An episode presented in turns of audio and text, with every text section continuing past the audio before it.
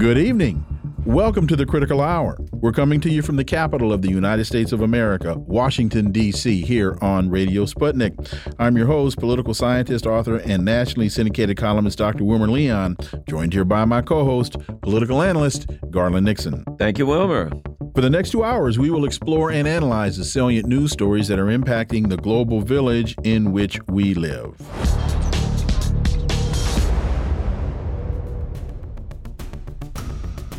Senate Armed Services Committee aggressively investigating Elon Musk. The probe is a result of a misreported story that falsely claimed Musk thwarted a Ukraine attack on the Russian naval fleet. For insight into this, let's turn to our first guest. He's a Moscow based international relations and security analyst, Mark Sleboda. As always, Mark, welcome back. Dr. Leon Garland, thanks for having me. It's always an honor and a pleasure to be on the critical hour. So, Senator Jack Reed is leading an aggressive probe into Elon Musk and SpaceX's role in the American war industry. The investigation stems from an incident where SpaceX declined a request from the Ukrainian government to extend the range of Starlink for an attack on Russia. That incident has been widely misreported as Musk ordering SpaceX to deactivate Starlink to thwart the Ukrainian attack. And we know, Mark, this also goes all the way back to Elon Musk complaining very, very vociferously that the U.S. government hadn't paid him for the use of Starlink time. Mark Sleboda. Yeah, so I mean, this is, I think, a cautionary tale in the vicious propaganda and ignorance feedback loop between our politicians and the media, the fourth estate.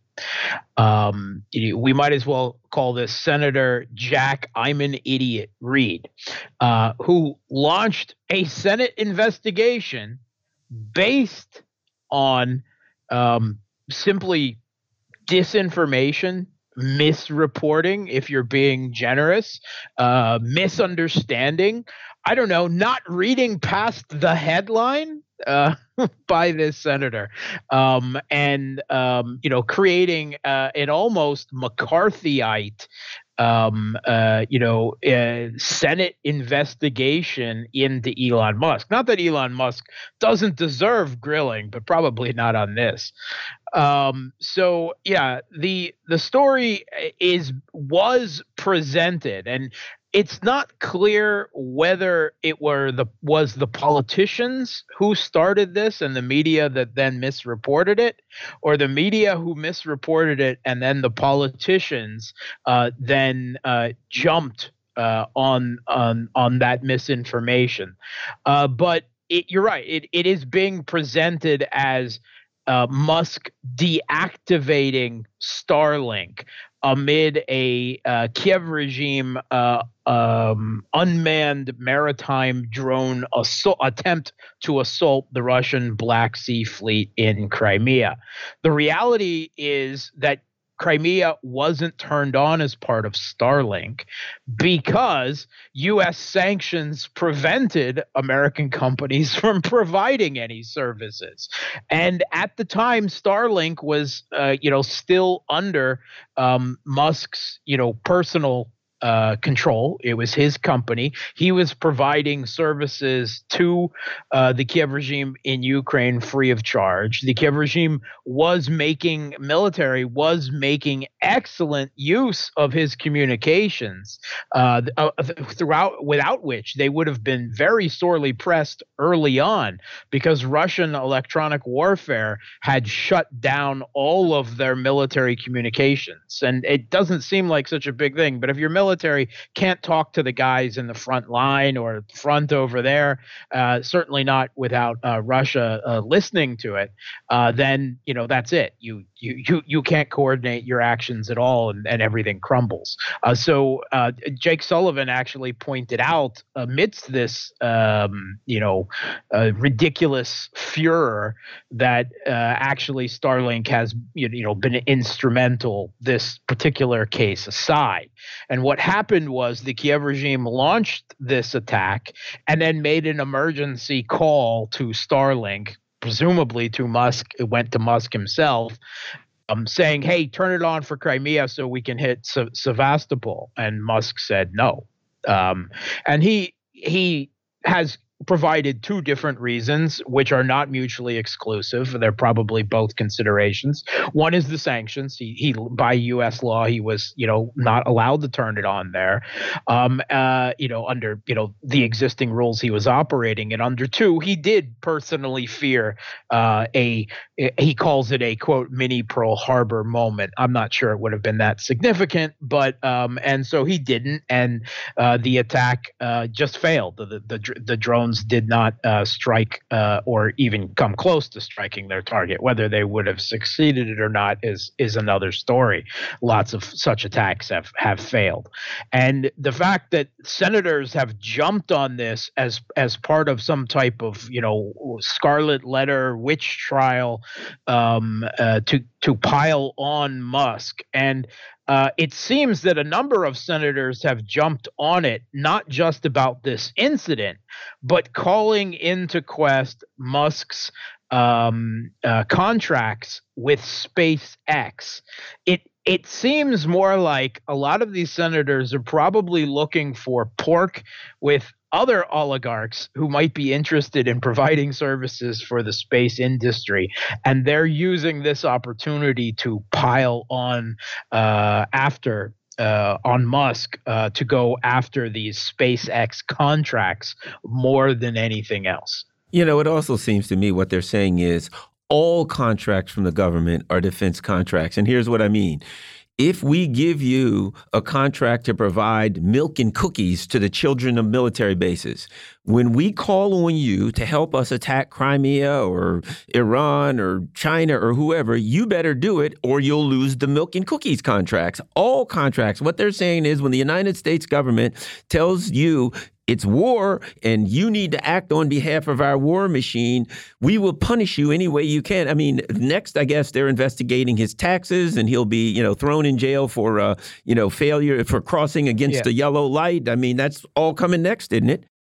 Yeah, but I, but here's the thing. Actually, uh, Musk made clear that if Biden had asked him, if the Pentagon had asked him, he would have done so. But no such request came from the U.S. The request came from the Kiev regime, and he's assumptively being blamed now for not following orders from the Kiev regime. You know, I mean, doesn't Musk know that the U.S. is at war with Russia? Oh no, wait a minute. Okay, so the U.S. is not at war with Russia, uh, but the Kiev regime is, and Musk should give the Kiev regime his total, uh, you know, unquestioned um, uh, services and, and loyalty. That is is what. And uh, Elon Musk actually mocked this uh, in a Twitter post where you know he said, "We're not at war." With Russia.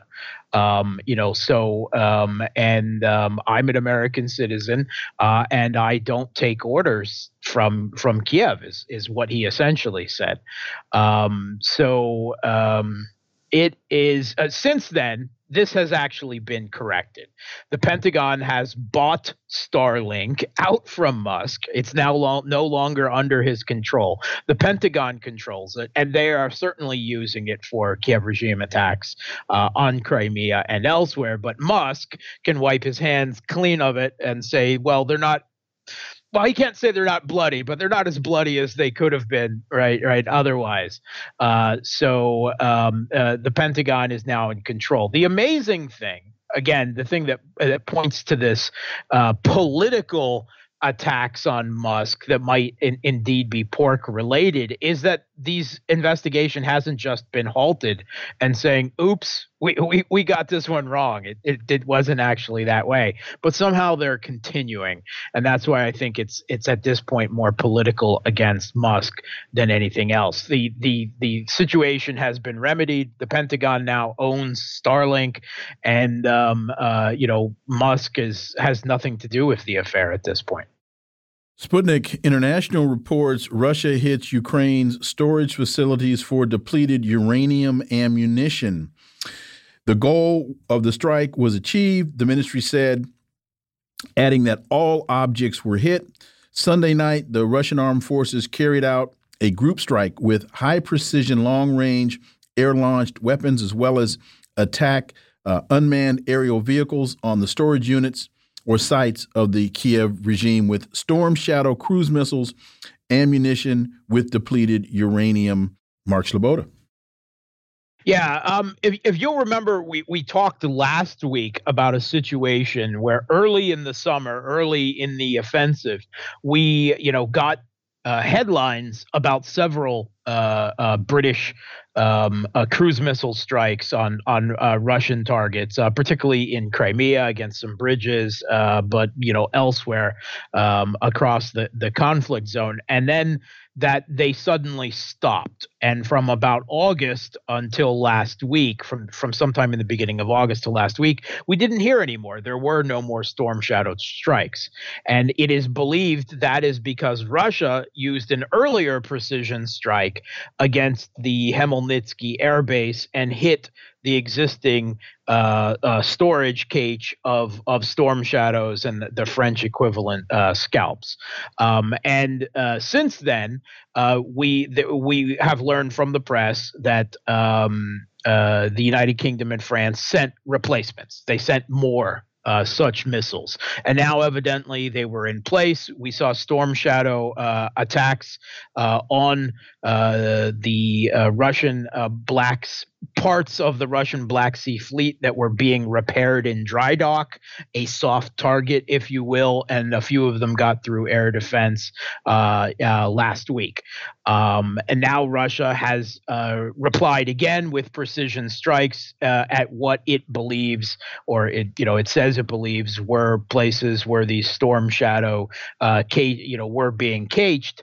Um, and um, some of those strikes were once again at Khmelnytsky Air Base uh, because uh, it, it is one of the uh, in between locations that it would be necessary to launch the Su 24s, uh, that uh, the aircraft that are capable of firing these uh, Storm Shadow cruise missiles because they are air launched cruise missiles.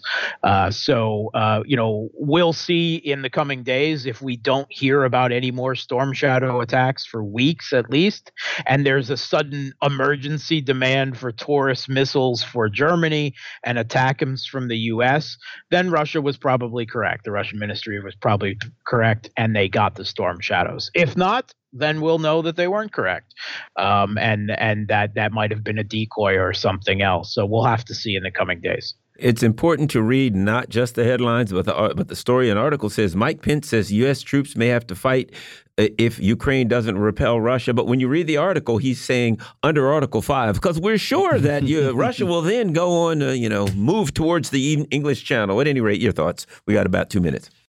Sure, it's obvious that if if if uh, you know uh, Russia achieves some kind of victory in Ukraine, that they'll be in Poland the week after, or you know, and and probably uh, Lisbon two weeks after that, and then a month from then they'll be in Peoria. Uh, you know, this is the type of red dawn, ridiculous rhetoric that, that the U.S. Uh, politicians use to justify, uh, you know, this proxy conflict against Russia in Ukraine. The old trope, we have to kill them over there so we don't have to kill them over here kind of thing and it's even better when you know our our uh, ukrainian uh, forced conscript proxies are doing the job for us um, so um, unfortunately you know most most americans continue to to follow that chain of of illogic I just have to push back a bit, Mark, on your statement about the Russians going to Peoria. Nobody goes to Peoria, Mark. There, there's no reason for, for that. That, that's exactly why Vladimir would go there. I mean, Sheboygan. That's where he's Sheboygan. going. Sheboygan. He'll go that's to Sheboygan. that's the big town. Yeah, nobody wants to go to Peoria. Mark Sleboda, as always, thank you so much for your time. Greatly, greatly appreciate that analysis. We look forward to having you back. Thanks for having me. Folks, you're listening to the Critical Hour on Radio Sputnik. I'm Wilmer Leon, joined here by my co host, Garland Nixon. There's more on the other side. Stay tuned.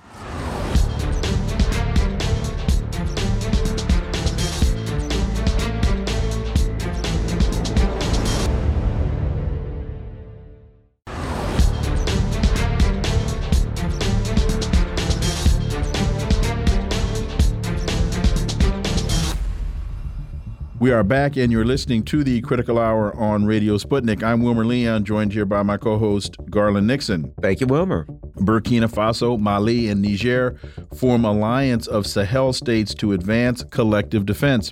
As an ECOWAS military threat looms over Niger, the three countries have formally declared that any act of aggression against one will be considered an aggression against all. For insight into this, let's turn to our next guest. He's a veteran Middle East war correspondent E.J. Magnier. Welcome back, as always. Thank you for having me.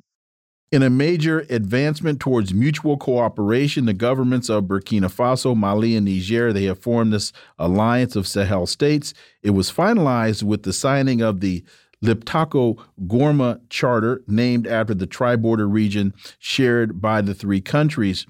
Talk about this, uh, EJ, because this is an, an, an incredible step towards independence and common defense.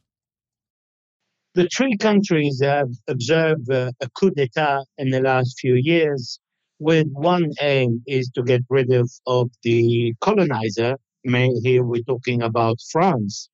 And um, the, because of the opportunity that is presented to Africa to be part of the BRICS collab- uh, cooperation uh, union and the G20 and G77 plus China, now Africa is rising away from the influence of the European and maybe France here, and trying to get together to form an alliances, particularly those countries we're talking about the Sahel, Mali, Burkina Faso, and Niger, who are against France. And it's not against France, it's against the French presence in their country and the French military presence in their country.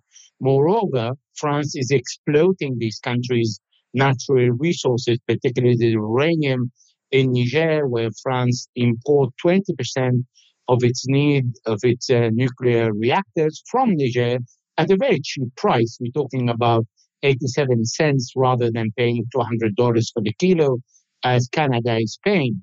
So, because of this reason, and because of the um, hostile intention, the African Union that is still related to the West is threatening uh, of attacking Niger, which is not going to happen because it's not a promenade to walk into such a big country like Niger uh, with the support of Algeria that's refusing, uh, rejecting any military intervention with Mali and Burkina Faso who send airplanes to support Niger and saying we shall not accept any attack on this country. And they signed a military cooperation uh, to unite their effort against any uh, military intervention from any outside country apart from these two, three countries. Do you think that um, this military uh, this combination of powers in Africa. You know, after Burkina Faso's uh, uh, leader spoke of Africa needing to come together, needing to fight for his freedom, he spoke of this kind of unity. Do you see in the future this, these kinds of alliances growing? I do. I think uh, when more countries will get rid of the uh, European influence and the colonization of uh, Europe that lasted for more than 500 years, Africa is waking up and is waking up uh, fast. Now, of course, there are many countries in Africa that are still waiting for the outcome of the war in, U- uh, in Ukraine between uh, the United States, NATO, and Russia. But moreover, everybody, uh, uh, the the outcome is quite clear for many countries.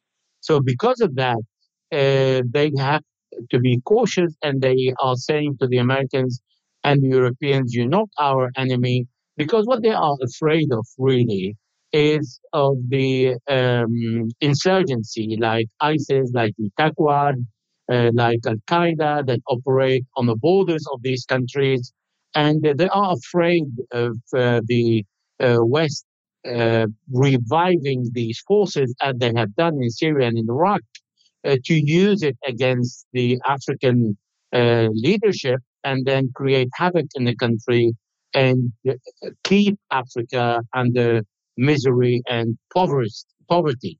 So what the African wants to say, we don't want French. We are happy to continue our relationship with all the uh, West, but nobody is going to control our country and no presence of foreign forces because France maintains still 1,500 uh, men in Niger and uh, they want them out and they gave them the ultimatum, but France is responding, not responding.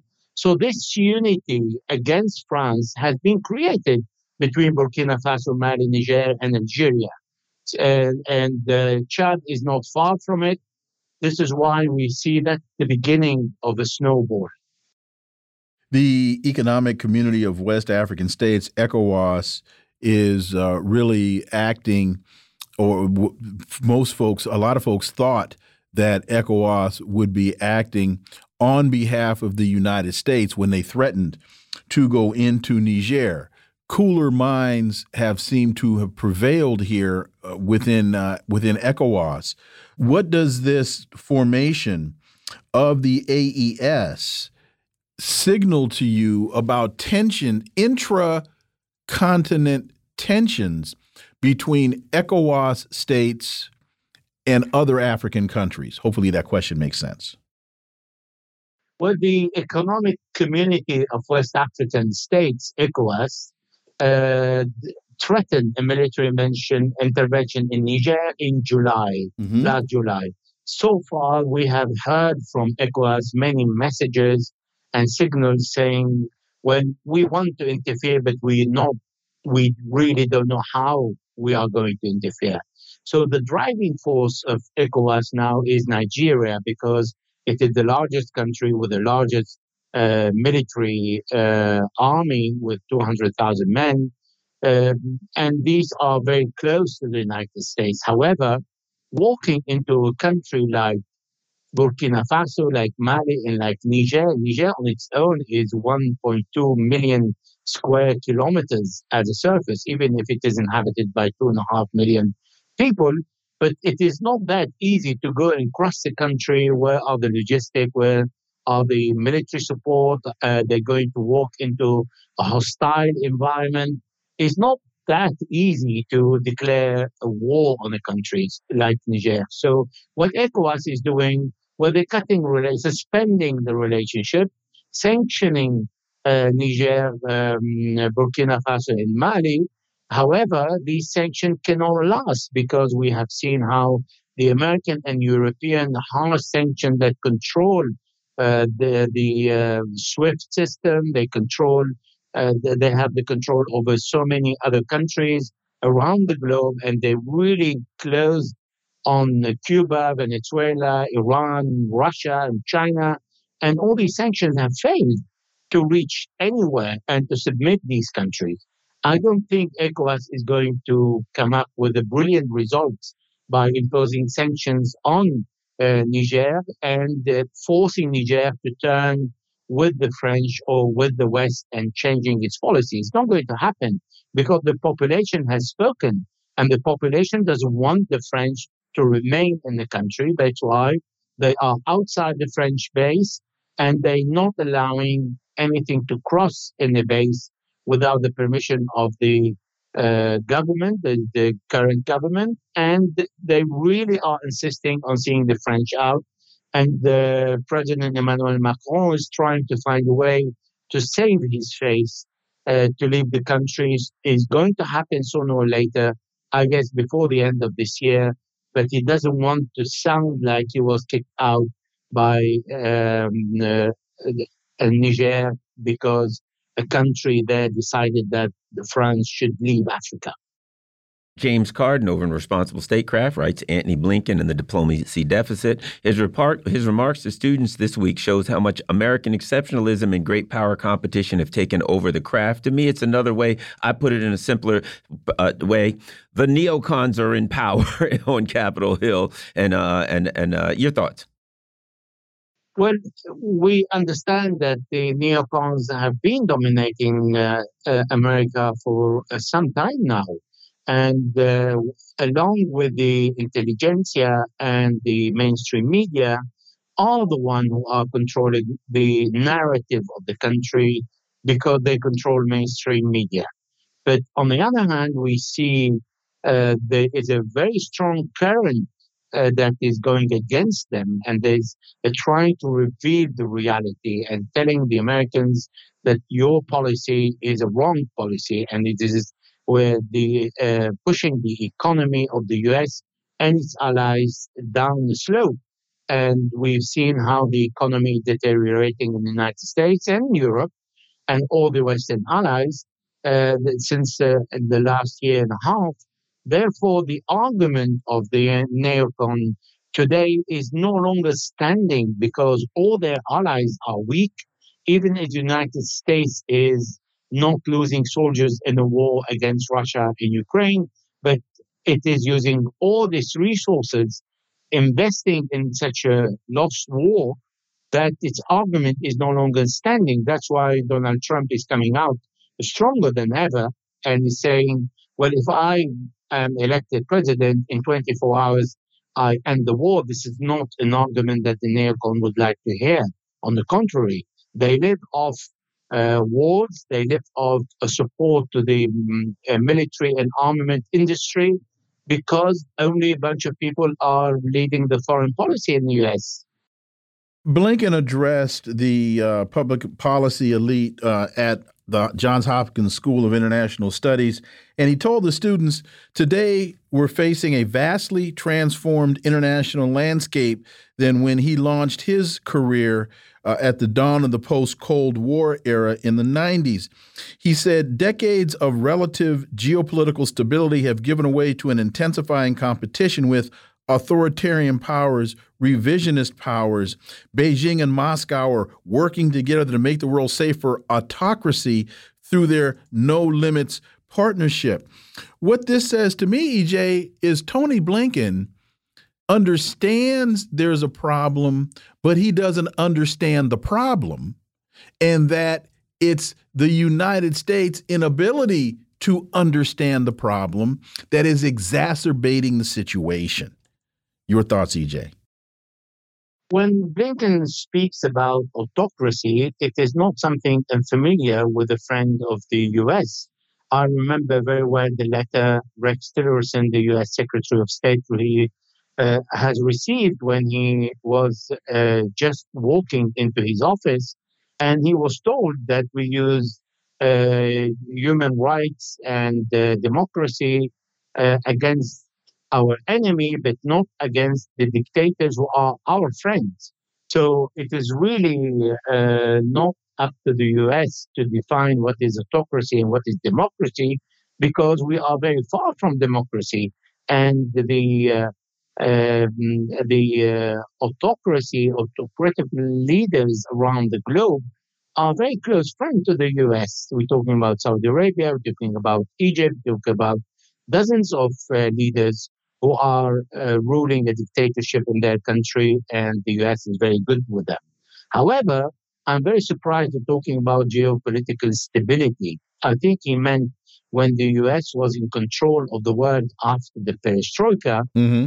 But not mentioning all the havoc that the US has caused from 1981 to 2022, 2023, we're talking about all the endless wars in Afghanistan, in Iraq, in Libya, in Syria, uh, and all these wars in Yemen.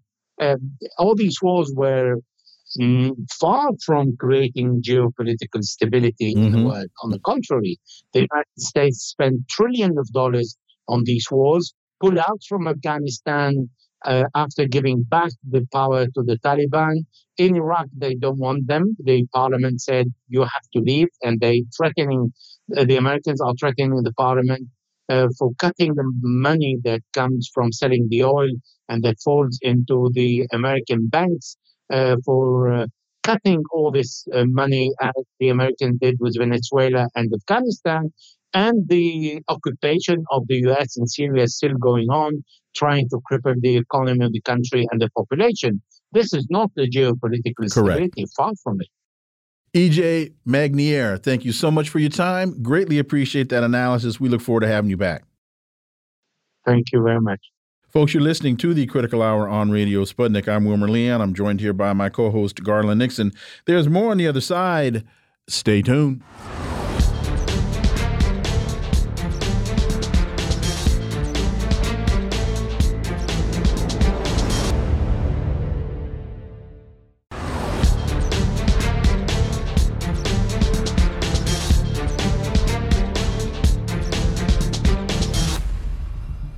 We are back, and you're listening to the Critical Hour on Radio Sputnik. I'm Wilmer Leon, joined here by my co host, Garland Nixon. Thank you, Wilmer.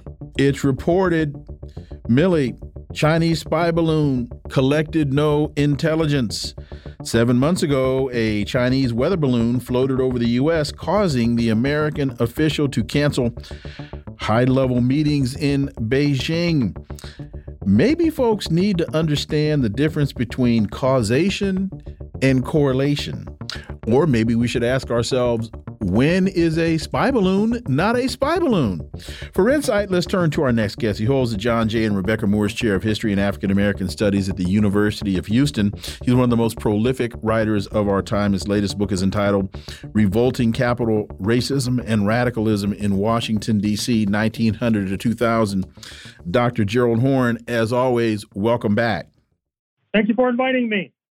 Milley, chairman of the Joint Chiefs, told CBS News Sunday morning the U.S. intelligence community does not believe the craft collected intelligence, but still maintained it was a spy balloon.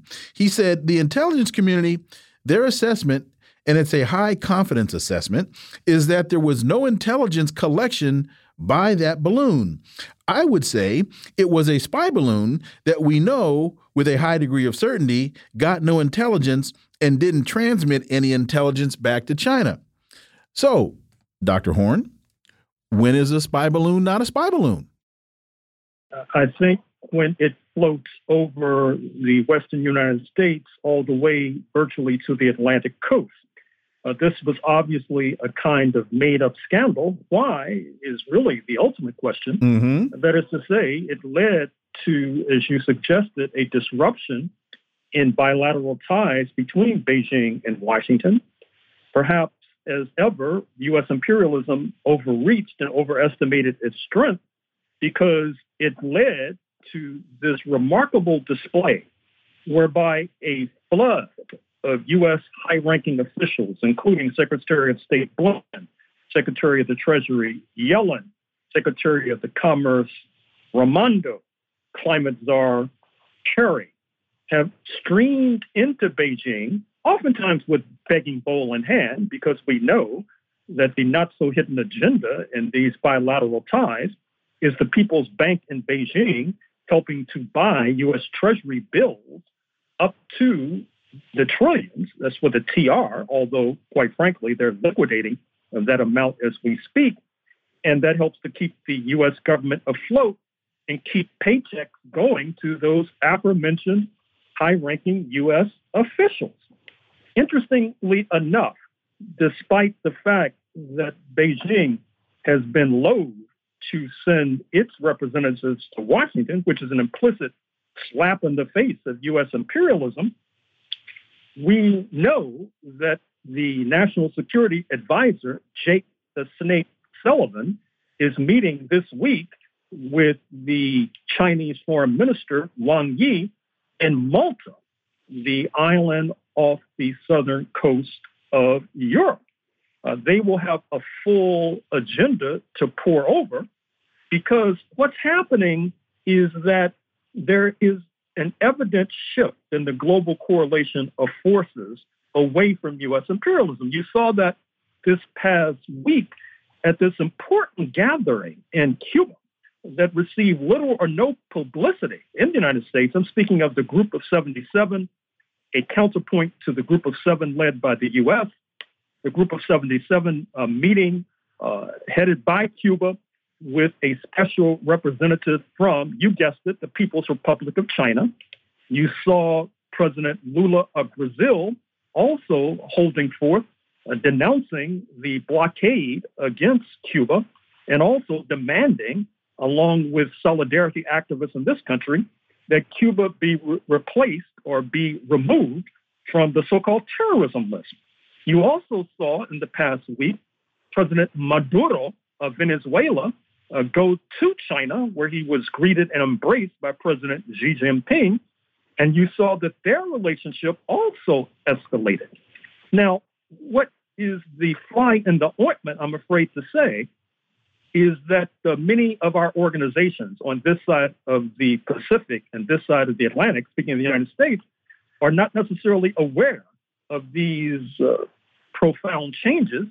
Uh, they're not even aware of the fact that U.S. pressure on Venezuela causes an outflow of migration out of that South American country, with Venezuelans winding up on the streets of Manhattan, and then leaders of the NAACP scratching their heads, unaware of the wider forces that's leading to that, but certainly more than willing to raise criticisms of this migratory flow. And that simply won't do. I think it's also apparent with regard to the global correlation of forces that this meeting between President Putin of Russia and Chairman Kim of the Democratic People's Republic of China also needs to be studied more carefully to give you an idea of how some imperialist hacks are reacting. One suggested that somehow, despite the glare of the global media, that Chairman Kim and President Putin slipped out for a trilateral meeting uh, with President Xi Jinping. Now, I say that not for the truth of the matter asserted, as the attorneys might say, but also to suggest the state of mind of these imperialist hacks as they're scratching their heads, are wondering how to make heads or tails out of this shift in the global correlation of forces. Now, we're also told that uh, a subtext of this Kim Putin meeting is supposedly the North Koreans shipping shells, artillery shells to Russia, although a wiser head suggests that actually what's in store is that Russia is going to buckle down and seek to develop the bulk of its territory, which is east of the Ural Mountains, but that's not where the bulk of its population rests, and that they would like to rely upon the ultra skilled North Korean workers and construction workers in particular uh, to do so. So, once again, this is emblematic of these Copernican shifts in the global correlation of forces.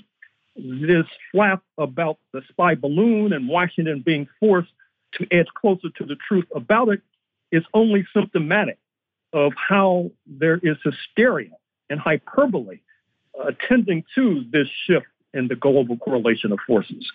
Now, here's an important um, story. Again, Milley's saying a lot of stuff. General Milley, he says that the U.S., uh, uh, quote, we should try our very best to avoid open conflict with China.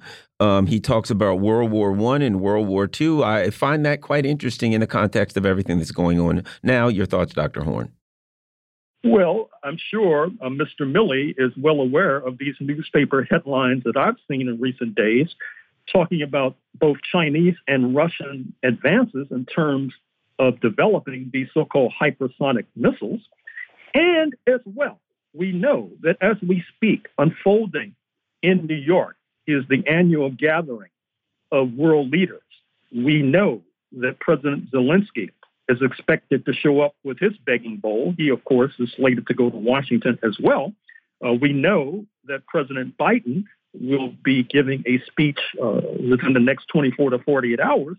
And we also know that in terms of this encirclement plan of Russia, uh, President Biden will be meeting uh, with leaders of the stands, Kazakhstan, Uzbekistan, Kyrgyzstan, et cetera, that is to say, former constituent republics of the Soviet Union. But of course, uh, since uh, he carries a begging bowl in his back pocket, he will not have much to offer uh, these leaders who, of course, have very good relations not only with Russia, but with China. Uh, speaking of the meeting of world leaders in New York, uh, there's breaking news. Uh, it has not been confirmed, but there is an apparent coup unfolding in Congo Brazzaville, the Republic of the Congo, against the 80 year old leader, Denis uh, Nguesso, who, of course, is in New York. Uh, his spokespersons back in Africa deny it. If this rumor proves to be accurate, this will be another withering blow against French neocolonialism not least because Congo Brazzaville historically has been one of the more ideologically advanced countries on the continent back to the good old days when we recall it as the People's Republic of Congo when they were hosting wide and sprawling delegations from the then Black Panther Party of the United States of America. Stay tuned. And AfricaNews.com says the Congo Brazzaville government has refuted recent claims of a coup attempt against uh, the president. He's held office for more than 39 years. And you talked about this very event, I want to say, on Thursday or Friday of last week. You said if there were going to be an, I think this is what you said, if there was going to be another coup, look to Congo Brazzaville for the place for it to be. Well, yes, and it's not because I carry my um, your crystal ball. Uh, I, I, don't carry my crystal ball along with me, but you don't have to be an oracle to recognize that walking on a banana peel are the leaders not only of Congo Brazzaville, but of Cameroon. 90 year old Paul Biya, who spends most of his time in Switzerland, and not to mention the King of Morocco, uh, who spends most of his time in Paris, uh, and of course has responded in a ill-fated, ill-advised manner to the recent uh, earthquake that rocked Marrakesh. So once again, uh, one only has to read the newspapers to figure out uh, where important, profound changes are coming. Of Times, trade war, tech war, chip war, electric vehicle war. You know, ever since the war on drugs and the war on poverty, it looks like everything we metaphorically name a war, the U.S. loses. Your thoughts on all of the uh, the so-called wars against China, and hopefully it doesn't become a, a nuclear war. Your thoughts, Dr. Horne? Well, hopefully, indeed. And of course, with regard to the chip war, we're all paying close and careful attention to the fact that Huawei, which was uh, attempt the United States attempted to destroy that Chinese corporation uh, under the Trump regime, but now it's developed a chip that will allow it to compete more effectively uh, with Apple, which of course is busily trying to move production from China uh, to India. Which brings up another point, which is how is the United States credibly going to encircle China when you have corporations not only like Apple but Tesla and Microsoft and KFC and Starbucks that are heavily dependent upon the Chinese market and Chinese workers. Either those corporations are going to have to take a haircut, that is to say, suffer a loss in profits, uh, or they're going to continue to be squeezed by Beijing, which will not make their shareholders happy. Uh, speaking of which, another problem that U.S. imperialism is going to have to confront are these waves of strikes at home capped off by the recent strike of United Auto Workers, who, of course, are disturbed by the actions of the Biden administration, which they see as undermining their position by moving aggressively to subsidize electric vehicles, which do not require as many members of their union to manufacture. And of course, looming overhead once again is not a spy balloon, but the specter of Chinese EVs, Chinese electrical vehicles led by BYD, which of course stole the show at the Munich Auto Show in Germany just a few days ago. And this announcement comes after uh, French President Macron said in May that the European Union should not allow China to capture its EV sector in the same manner it has for solar panels, where China now has 80% of the market. What happened to the free market system? What happened to unbridled capitalism, which we're all supposed to be so wedded to and beneficiaries of? China just seems to be playing the game better than everybody else is playing the game. We got one minute, Dr. Horne. Well, what happened is to coin a phrase, gone with the wind. That is to say, that the Inflation Reduction Act passed last year under the Biden regime providing massive subsidies to the green economy is just a pale imitation of what China has been doing in terms of steering its economy, a leader not only in uh, EVs, but also in solar panels, uh, not to mention uh, quantum computing and other emblems of the scientific and technological revolution. So, China is setting the pace.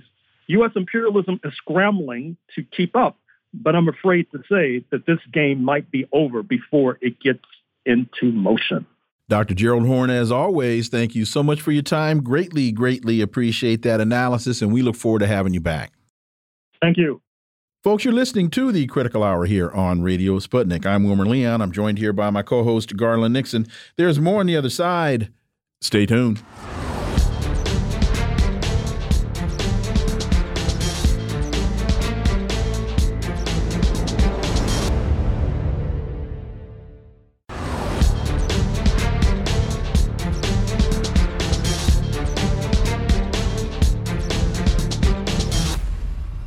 We are back, and you're listening to the Critical Hour on Radio Sputnik. I'm Wilmer Leon, joined here by my co host, Garland Nixon. Thank you, Wilmer.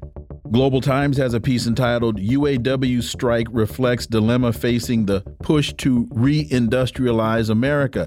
Thousands of workers on three key auto assembly lines went on strike after the UAW failed to meet the deadline to agree with Detroit's big three automakers Thursday night. The union warned that the strike could escalate if the two sides could not reach an agreement. For insight into this, let's turn to our next guest. He's an associate professor of economics at the University of Missouri, Kansas City, former president of the National Economics Association, Dr. Linwood Tauheed. As always, sir, welcome back.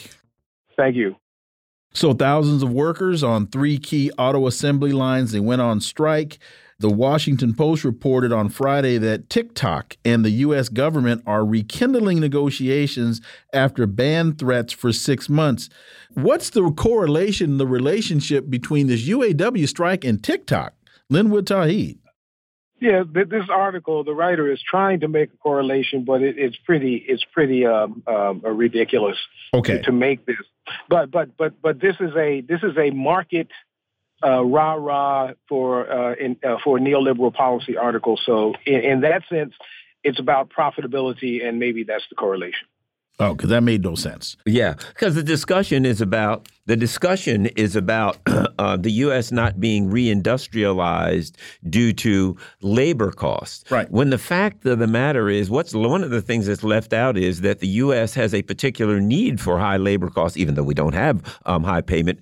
You know, uh, uh, uh, people don't make a lot of money. There actually is a need for that because of neoliberalism, because they have driven up the cost of living, housing costs through the roof. Car, fifty thousand dollars for a basic car, people can't afford it anymore. People can't afford their health insurance, et cetera. So the correlation of people needing to make more money because of the neoliberal extraction from the working class, so their um, their cost of living is so high. That's if they had attached this into that, would have made more sense, Dr. Tauheed. Yes, but you know the neoliberal strategy has has this inherent contradiction in wanting to uh, decrease wages while also increasing profitability and increasing the cost of living. At, at some point, uh, when wages uh, continue to drop and, and other benefits continue to drop, either either the working class have no money to buy anything, or or they they they perish because of starvation and other other other problems. So so but but but for the neoliberal, uh, what's what's what's important is what happens in the next quarter and if profits can go up in the next quarter, the, the hell with what happens in a year from now. And what do you make of the auto industry's argument that they that they can't give the workers what they're what they're requesting or what they're demanding because if they did so the auto industry would go bankrupt in 3 to 5 years not taking into account the concessions that labor had made in the last contract. Not talking about the millions and millions of dollars that these CEOs make. Each of them makes at least $23 million a year. And the $60 billion, I think, that they returned to their, uh, through stock dividends to their investors. So there seems to be plenty of money out there. It's just a matter of how that money is being spent. Uh, yes, these three auto uh, uh, companies, um, uh, Ford, um, um, um Stellantis, and um, and what's the third one? General Motors. Uh, General Motors, yes, uh, have a have had profits have gone up 92 percent in the 10 year period from 2013 to 2022, uh, they expect a $32 billion profit um, uh, for these companies in 2023. And so the idea that if they if they increase workers' wages, they're going to go out of business is is of course not uh, supported by the by the evidence. CEO pay in that same 10 year period is up 40 percent, while worker pay is not up at all, and not even with the cost of living increase, which they uh, negotiated away in 2000 in a crisis with which the workers conceded in the 2008 crisis. And, and so the idea that you, you, have, you know, these workers, these auto workers, uh, there are 150,000 of them. And of course, unions are, are what uh, economists call countervailing power against corporations. Uh, the idea that a single worker should negotiate with General Motors uh, makes no sense, but you get 150,000 workers together. Now you have some power to negotiate for, for real wages. Uh, one of the problems is the the Biden administration's industrial policy is incoherent. And industrial policy, you know, uh, there there are incentives given to the uh, auto industries to convert over to electric, but electric requires fewer workers.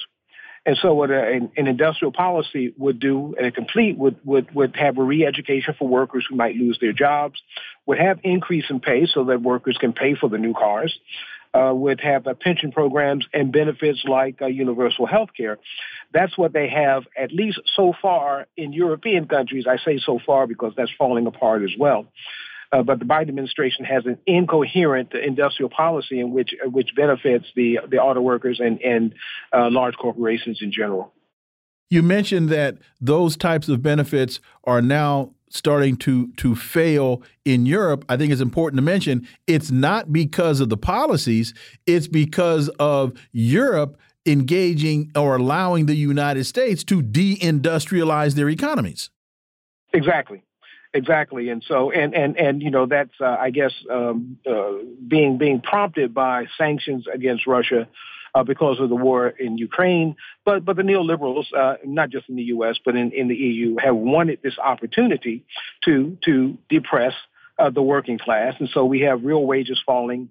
Uh, with higher energy prices and other types of inflation, and the working class in the EU is is is becoming poor. Now, the EU had an industrial policy. EU countries had an industrial policy which included re-education for workers in declining industry and universal health care and pensions and unions. Those are the things that are being destroyed in Europe and that's and that's that's by plan. Another interesting article in Naked Capitalism, nakedcapitalism.com. The war in Ukraine helps advance the great EU neoliberal project. And one of the things they talk about is there's sanctions and various actions that have been taken ostensibly to hurt Russia, but that under the you know the the, the neoliberal project, um, these wealthy oligarchs and corporations have found a way, as the everyday worker and person in the EU suffers as a result of the uh, of these these uh, uh, um, uh, changes, they found a way to make a fortune. Your thoughts? Well, you know, the for example, the oil sanctions uh, against Russia are being circumvented by um, uh, allowing, I'll say, allowing India uh, to buy oil from Russia and then to resell it uh, to to European nations. Uh, the Greeks are in on it as well, and and there are other smaller economies in the EU in which uh, the oligarchs, the, the wealthy, are getting around these sanctions and increasing their profitability while while the the working poor are are becoming poor again with uh, with uh, falling real wages and higher energy prices and higher food prices and so forth. And so um, uh, the, while the working class suffer, the the wealthy are doing very well by going around the sanctions. Uh, and and of course they're blaming the uh, the uh, depressed situation for the working class on the sanctions, which they are avoiding. And doesn't a lot of this sanctions regime just reflect how weak the United States really is and how political a lot of these sanctions are because they want to give the appearance that they're actually taking action and they're doing something.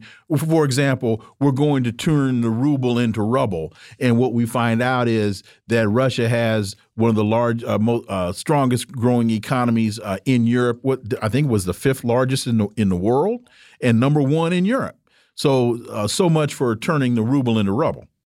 Well, one of one of the things that, that certainly occurs to me when I when I hear this uh, when I see this deindustrialization and impoverishment in the EU, I, I, I think back to, to Bernie Sanders. Now, the you know, it, uh, I think back to Bernie Sanders as he was campaigning, talking about the the uh, economies in the Scandinavian countries as being a model for how the U.S. should run. That is, with strong labor unions, with a strong safety net, with a strong industrial policy. And of course, that, that means that those countries have to become a target uh, for the neoliberals so that uh, there, there's no, no hope in, in, the U.S. that, that the U.S. could actually uh, have a working class that's, uh, that's well-being is improving. And so the neoliberal policy is to make everyone poor except for the very wealthy. Mm-hmm. And, uh, and, and that policy is working. Um, now there is that internal contradiction that we talked about. That if, if if if working people have no money to buy things, well then they can't buy things and there's no profitability. So that's an end to the neoliberal policy. Fortunately, we have a multipolar world that's developing, and there are economies on the other side, uh, three quarters of the world that are not that are trying at, at least attempting to detach themselves from from the neoliberal uh, West. Also, Naked Capitalism reports that Social Security overpays billions to people, many on disability, then demands the money back. We got about a minute. Yeah, this is this is this is an administrative error on behalf of, on on for the Social Security Administration in in in not taking into account uh, various other kinds of of of, um, uh, of, of monetary inputs that that the working class and under, under, under unemployed persons got during the COVID crisis. And so while those, those Social Security benefits were not calculated properly because persons had other types of income, now the Social Security Administration is wanting to go back and say, we made a mistake and you have to pay us back for it. Um, I, I, I, imagine this will, will, this will get into the courts and, and we'll see how it plays out. I have no, I have no prediction on that. Dr. Linwood Tauheed, as always, thank you so much for your time. Greatly, greatly appreciate that analysis, and we look forward to having you back. Thank you, sir. Folks, you're listening to the Critical Hour on Radio Sputnik. I'm Wilmer Leon. I'm joined here by my co host, Garland Nixon. There's another hour on the other side. Stay tuned.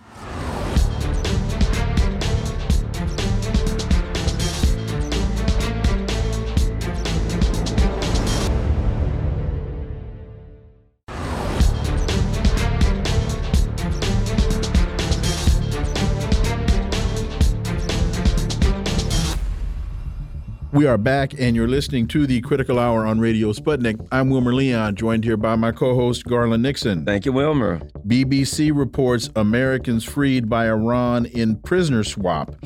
The last pieces in a controversial swap mediated by Qatar fell into place when $6 billion of Iranian funds held in South Korea reached banks in Doha. It triggered the departure of the four American men and one woman in Tehran who are also Iranian citizens on a chartered flight to Qatar's capital. For insight into this, let's turn to our next guest. He's an award winning broadcaster, political analyst, and journalist based in Beirut, Lebanon. Laith Marouf, as always, welcome back. Thank you for having me. So, the U.S. has said its citizens were imprisoned on baseless charges for use as political leverage. But late this while US, UK, Canada issue new Iran sanctions ahead of the anniversary of uh, Mahsa Amini's death. And not to mention, the U.S. is saying that its citizens were imprisoned on baseless charges as the United States is doing its best to uh, extradite Julian Assange. Laith Marouf. Yes, of course, and, and many Iranian citizens have been held in the United States and other Western countries uh, under scrupulous uh, accusations.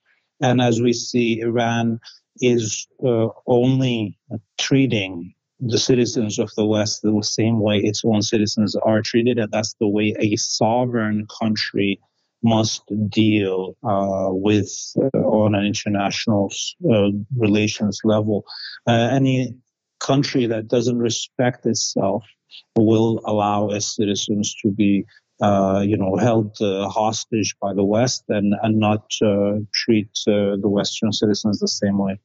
Look, there's many articles today talking about the six billion dollars and how that they had to uh, uh, arrive at the banks in Qatar before the release of the American uh, prisoners uh, happened, and that's an added win for Iran because it refused to deal with any exchanges of prisoners until the United States actually abides by international law outside this exchange of prisoners. And that is what they got. They got the United States to return some of the looted money that they uh, had uh, held uh, in Korea. Um, and now return some of Iran's uh, citizens to it in exchange for five of its own.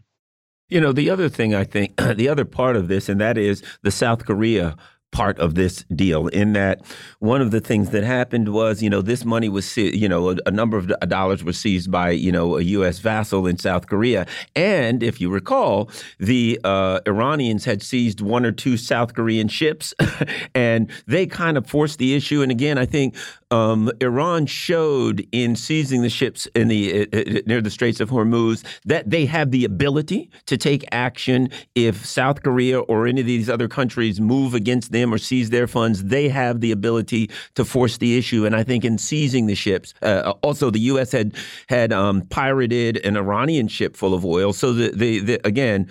Iran demonstrated their power and their ability to protect their um, interest I guess that's the right word in their region. Your thoughts? Definitely. And look, uh, South Korea, this is money that South Korea owed to Iran for buying its oil. And this is not even money that by chance was in Korea. It's actually the Koreans received oil from Iran, they bought it legally, and then they decided to not pay. And finally, now Iran is getting paid for its oil. And it showed, as you said, Iran is willing to uh, make sure that its interests are guaranteed on an international scale, not only through its negotiations, but also through its military force.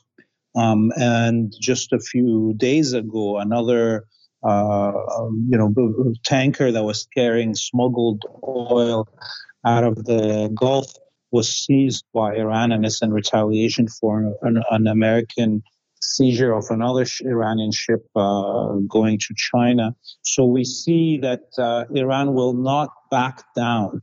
And any state in this world that wants to be respected has to act this way. And I think Iran is setting an example for the rest of the world to follow. Middle East Eye reports Yemen war Saudi Arabia invites Houthi officials for talks to end conflict. The meeting will be mediated by Oman and aims to build on previous efforts to find a permanent solution to the conflict. Your thoughts, Laith Marouf?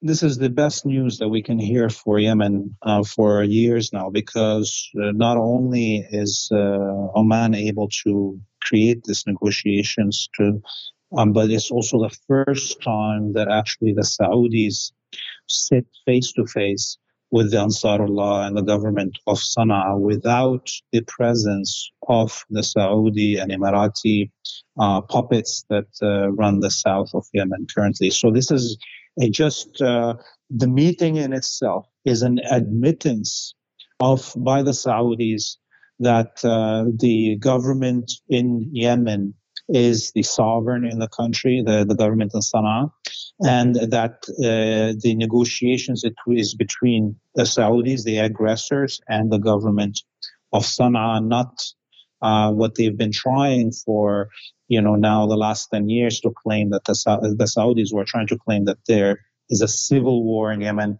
and that the Sana'a government, Ansarullah, have to negotiate with these little puppets and sit on table with 20 somewhat groups that each uh, you know represent uh, just a handful of people instead of the truth which is that the saudis control them. So this is now going to speed up any resolution because there's no more in betweens the two warring parties are sitting on the same table And uh, hopefully, if uh, Mohammed bin Salman really wants to bring Saudi Arabia out of the uh, you know uh, problems that it has created itself over the last decade with with you know sponsoring all these wars around the region on behalf of the United States. If it ends this war in Yemen, then we can look forward for a peaceful resolution uh, in in other files, even on on Lebanon and Syria and Iraq, because Yemen right now it is the hardest file to solve in the region because it is so close to the Saudi uh, government uh, heart. Now, let me ask you this. you know, now that the Saudis are uh, you know, at least, um, you know, burying the hatchet, shall we say, with the Iranians. Um, Iran controls the um, Straits of Hormuz, which the Saudis use to ship their oil. Um, Yemen really would be controlling the Bab al Mandab Strait, which the Saudis use to ship their oil. But now that they've kind of buried the hatchet with Iran, they really don't need to fight over, um, from a, the perspective of, you know, uh, uh, uh, uh, waterways and, and, and the methods that they use, the shipping lanes that they use to get their products to sea. They really don't need that war with Yemen if they're friends with the the Saudis from the perspective from that perspective. What do you think?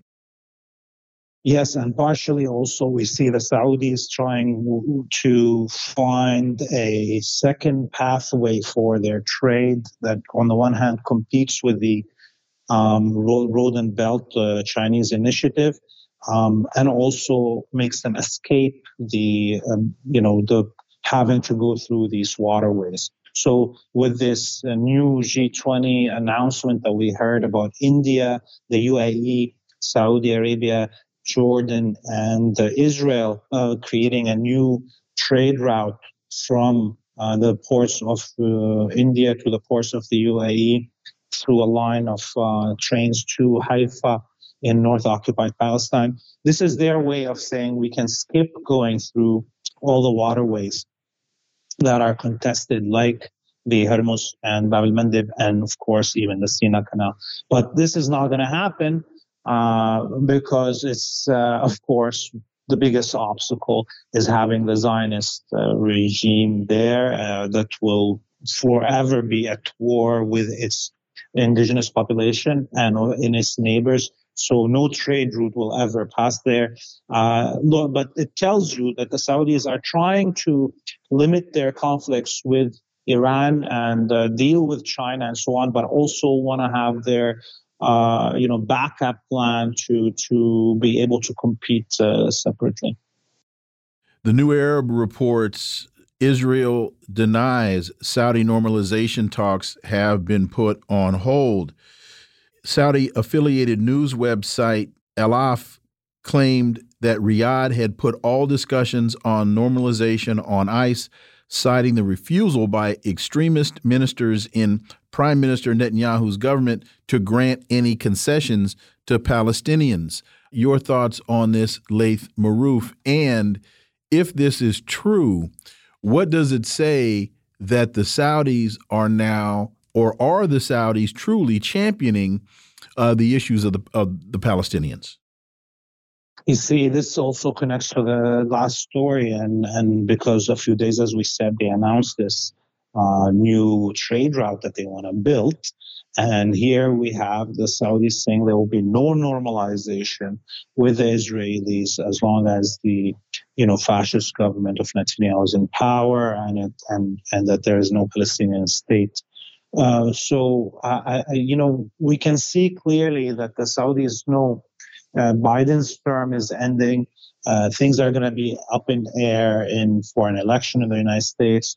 That's going to affect the situation of uh, Israel, uh, and there's no need for them to rush into any normalization under these conditions. They need a president that has just came into power so they can back an actual change uh, of behavior. Let's say if they if they if they agree to a normalization, a change of behavior of the Israelis too, so they can push forward with these mass projects that they, of normalization, economic normalization that they envision, which is not going to happen.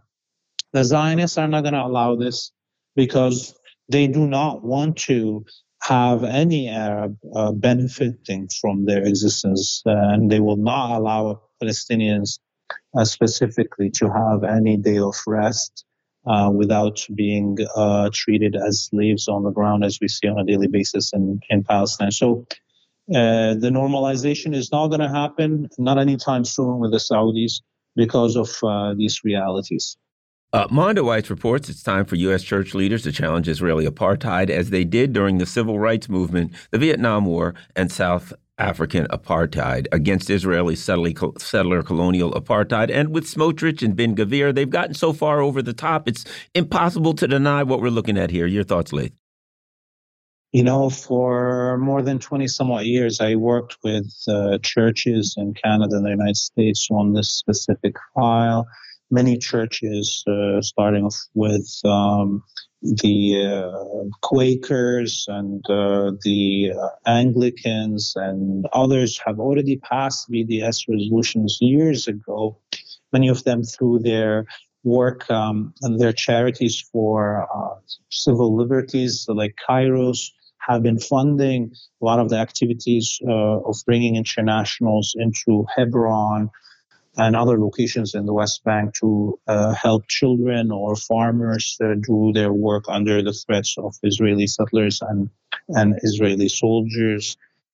And, and that has uh, had a huge results in terms of changes of attitude and education within these churches. The question lies in the United States about the largest church, which is the evangelical church. And that's where the biggest block happens when we come and talk about Palestine within uh, church uh, uh, atmospheres in the West, um, because it's so you know far away from the basics of uh, what Christ has told, you know, uh, in terms of uh, freedom and, and equality. Um, and and we see Zionism being so ingrained in in evangelicism, and so this is where I think the limitation with work in churches in the in, in the United States specifically is. Laith Marouf, as always, thank you so much for your time. Greatly, greatly appreciate that analysis, and we look forward to having you back. You have a great evening. You too. Thank you. Folks, you're listening to the Critical Hour on Radio Sputnik. I'm Wilmer Leon. I'm joined here by my co host, Garland Nixon. There's more on the other side. Stay tuned.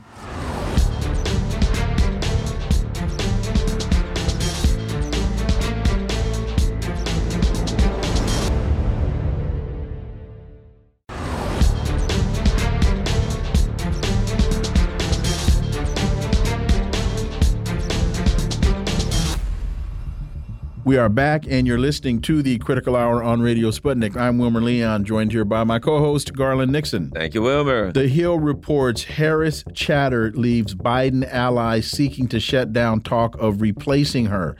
The Biden campaign and its allies are rallying around Vice President Harris, rejecting chatter that President Biden should reconsider his running mate heading into 2024. The question is should he reconsider his running in 2024. For insight, let's turn to our next guest. She's a political commentator and podcast host, Misty Winston. As always, Misty, welcome back. Thanks for having me. I appreciate it. A series of opinion columns published this week all suggested one way for Biden to juice enthusiasm among Democrats and quell concerns about his age heading into a second term would be to replace Harris on the ticket. Misty, a couple of things. One, the way they keep trying to control this narrative about the issue with Biden is age. It is not. It is cognitive right. ability. That's the issue. And it just so happens that he's an older guy, but the issue is cognitive ability. And I don't know about the chatter about replacing Kamala Harris because the the what we've been reading from some very uh, high level muckety mucks is they're saying Joe needs to go. Misty Winston, help me out.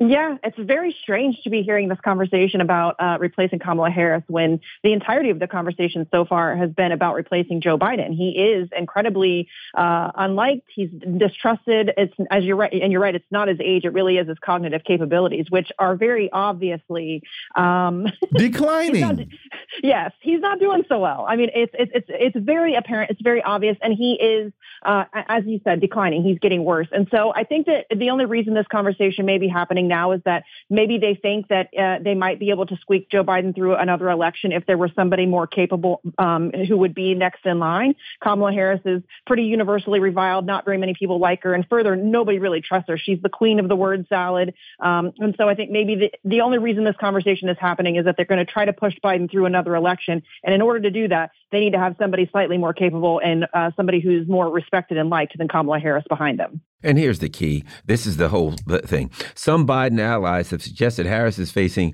unreasonable or unfair expectations that are rooted in sexism or racism because she is the uh. first woman of color to hold the role of vice president. Bottom line is, she's probably the only person in Biden's uh, immediate center that is circle that has greater cognitive uh, issues than he does, and she doesn't even have the excuse of age. She's she comes across as a goofball. She talks to people all the time like she's talking to first graders. Yes, a big country is fighting the little country boys and girls, and that's not not. She comes across like an idiot. Let's be honest Yeah. about this. And they're trying to say, "Oh, she's a woman of color." Blah blah blah. Your thoughts? I'm honestly, I'm so very tired of these, um, uh, these, the, the, well, she's a woman and she's a woman of color and all of these kind of, um, you know, identity politics nonsense being thrown around. It has nothing to do with that. It's, that's ridiculous on its face. She's not liked because she, as you just said, she makes a fool of herself. She, as I said, she's the queen of the word salad. Um, she goes out there and she makes a fool of herself on a regular basis. She has that weird, creepy laugh thing that she does when she's uncomfortable, which she is often uncomfortable because she very rarely knows what she's talking about. And so she's always put in these situations where she is uh, very clearly out of her depth. And she, I mean, this has nothing to do with her being a woman or a woman of color. It is just reality. And so these excuses that they're using, it's very frustrating, especially for me as a woman, for it to be used in that manner so cynically. Uh, it, it just, it really does diminish actual cases of sexism, in which this is not one of them. And so, yeah, you're absolutely right. And it is very frustrating to watch them fall back on these, you know, very typical uh, excuses time and time again. When she ran for the office of president for the when she ran for the Democratic Party nomination, she didn't get 2% of the vote. yeah. She was a woman then and she was a woman of color then. As she is a woman and a woman of color now. So I don't know what has really changed as it relates to uh, you know, her being a woman and being a woman of color. They didn't like her then and they don't like her now. I mean, that's Right. that's I call that consistency. The Hill asks, did RFK Jr. hint the rigged DNC may force him to run third party? For years, anytime someone unfamiliar with the inner and sometimes sinister workings of government would ask whether what was wrong with the country, and uh, they talked about Mr. Smith goes to Washington, that fictional Frank Capra film. But now we see this playing itself out right before our very eyes, and I'm surprised that there's more talk about RFK Jr running third party because there are many thought that he was going to be the sheep herder in the same way that Bernie Sanders wound up being when he ran. Well, I think that that's still a possibility. I do think it's ridiculous that he's acting surprised that the Democratic Party rigs their primaries. I mean, did you sleep through 2016 and 2020 uh, when he first initially announced that he was running for president and he said he was going to be doing it under the Democratic ticket?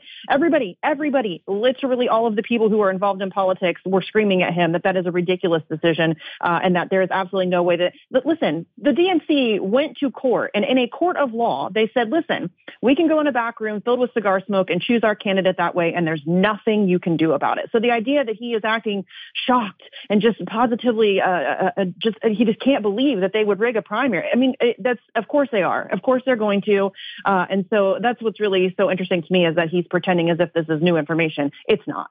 Just really quickly, is it that he's shocked that they're rigging it, or is it that he's shocked that they are so blatantly rigging it? I don't know. As in, we're not going to have any debates in the primary. Yeah, or even a primary. They've said that they're not even going to hold a primary. right. Now, now they're talking about that if he goes to New Hampshire and actually campaigns in the state of New Hampshire, he won't get any of his uh, votes. None of those will count for him. And so maybe uh, maybe it's possible that he's a little bit surprised at how blatant they are. I don't know how anybody could be after watching 2016 and 2020. Mhm. In my opinion, those were two very obvious and blatant situations as well. They are going a little bit farther, I think, mostly to protect Joe Biden because they don't want Biden to have to debate anybody because that would be a disaster. But I still think it's silly that he's acting surprised this is what's happening. Mm-hmm. And here's the reality.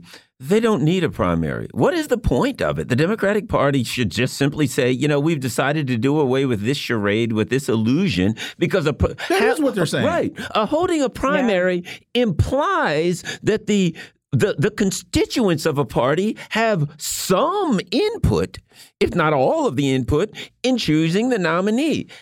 We all know that's not the case. So at this point, they should just choose the nominee and say to their constituents, shut up and vote for him, or you love Trump or something like that. And then there you go, Misty. That is what Yeah. they're saying. Yeah, pretty much. Yeah. I'm surprised that they haven't taken it to that extreme, like to just say, listen, Joe Biden's our nominee, deal with it. That's, that's just the way that it is. Um, I wouldn't be surprised if they do that at some point. I mean, it is still a little early in the election season, so that's still a possibility. Uh, but also, I think that, you know, we still live in a time where, as George Carlin said, they need us to have an illusion of choice. Um, it's easier to uh, control us, I think, if we have that illusion of choice. It's much easier to divide us. It's also, I think there are a lot of political consultants who would really like to get money from the election season. So there's that whole uh, that whole industry and infrastructure that they have to worry about feeding into as well. But yeah, I am a little bit surprised that they haven't just said, "Listen, Joe Biden's the nominee," and there's. Uh, but frankly, I'm not even sure that they want him to be the nominee. I think that that may still be something that we that, that changes between now and election season. We shall see. There's also this discussion now about uh, Dr. West has announced that he has hired Peter Daou as his campaign manager. Daou started as a liberal blogger and then became a digital advisor for Kerry's 2004 campaign and Clinton's 2008 campaign. Uh, your thoughts? Uh, this guy, it is astonishing to me that uh, Dr. Cornel West and Jill Stein, who Jill Stein said that it was her that brought Peter Daou to the uh, campaign and, and uh, suggested him as a potential for a campaign manager. This guy wasn't just a Hillary. I mean, the the article uh, that you sent me, he was a Hillary Clinton cheerleader. That is nowhere near strong enough. That this guy worked hand in hand, hand in hand with uh, uh, David Brock. If you don't know who David Brock is, Mhm. look him up. He is one of the scumbaggiest slime balls of all of politics. I mean, Peter Daou comes from the darkest depths of the establishment. He was an attack dog. He's the guy that helped instigate all of the Bernie bro smears and the Bernie's a Russian agent and Bernie uh, Bernie supporters are all sexist and all of those things that you heard, all of those smears in 2016, that came from the likes of Peter Daou. And so the idea that Dr. Cornel West thought that this was a good hire, I mean, Dr. West is looking to court those people, the Bernie Sanders supporters. That's that's his uh, his really his immediate base, his uncontested base. And so to bring on somebody like Peter Daou, who spent years trashing those people, uh, it's a, it's a mind blowing political decision. I don't know what they were thinking. It has already caused a ton of division, uh, and it is now the focus has turned into uh, focusing on Peter Daou and his history rather than focusing on Dr. West and his campaign. You know, and, I, and and and you know, I like to be completely uh, uh, uh, honest with everything. In recent years, Peter Daou has said all of the right things, right? He has said a lot of things that would lead you to believe he's turned around. But let's not forget, in 2020, he did write an article um, prior to the 2020 election. He was a big pushed, hey, we got to support Biden because otherwise Trump wins. Whether somebody agrees with it or not, that's what he said, which leads one to believe, since Cornel West is running outside of the duopoly, that when it gets down to it, uh, yeah, Cornel West is running, but don't vote for him in um, swing states or important states Yep. because that would hurt. Which is which is basically saying you're you're again you're campaigning for Biden. I'm not saying that's a fact, but that would leave someone to have uh, uh, uh, some apprehension and fear with justification that that's the case, Misty. Yeah, for sure. And I think that that's what brings, uh, that, that's what makes a lot of this a huge issue, at least for me and other people like me that I've spoken to. Uh, if Peter Daou has made this amazing political transformation, that's fantastic. Good for him. I'm glad he has, uh, you know, moved away from the likes of Hillary Clinton and that sort of politics. However, he can do it from the sidelines. Putting him into an advisory position, a, a leadership position in a campaign that's supposed to be an insurgent campaign that's fighting the duopoly, and then you bring in a guy who has been, uh, you know, an attack dog for the duopoly, for the establishment. It's just such a bizarre decision. And you're absolutely right. There's a very, I mean, Dr. Cornel West voted for Joe Biden in 2020. So I think for a lot of people who are looking for um, an actual challenge to power, an actual challenge to the duopoly, uh, this makes them incredibly nervous to see uh, Dr. West, who has already voted for uh, Biden himself, bring on somebody like Daou, who, as you said in the 2020 election, wrote an article uh, saying that everybody should support Biden because Trump, all of that stuff. Uh, that I think that makes a lot of people uh, genuinely concerned about where this is going. So, Misty, uh, understanding that what you've just articulated about Dr. West, what we were just talking about Robert Kennedy Jr. being a sheepdog, does that give you any cause, any pause for concern about what actually could happen with Dr. West's campaign? Yeah, for sure. I mean, listen, I'm uh, skeptical of all politicians. I don't really do the electoral politics stuff that much. I think it's not really, uh, we're not going to get any substantive change that way, anyways.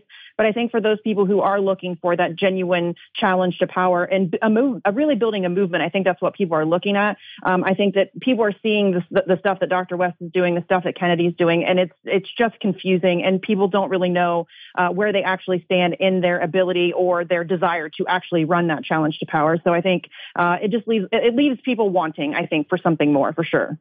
And I'll say this because of the history of what's happened in 2016 and 2020, what happened with Bernie, you have to be aware that people are losing a lot of trust. And when you do things that cause people to trust less, it's going to, it's going, you know, there are a lot of people that are just saying, I've been burned so many times, I don't know if I should trust anyone. Misty, you got about a minute.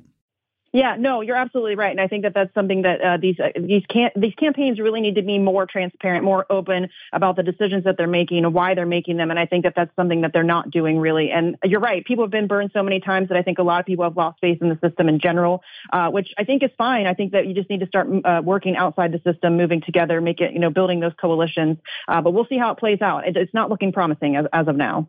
Misty Winston, as always, thank you so much for your time. Greatly, greatly appreciate that analysis, and we look forward to having you back. Thanks, guys. I appreciate it. Folks, you're listening to the Critical Hour on Radio Sputnik. I'm Wilmer Leon. I'm joined here by my co host, Garland Nixon. There's more on the other side. Stay tuned.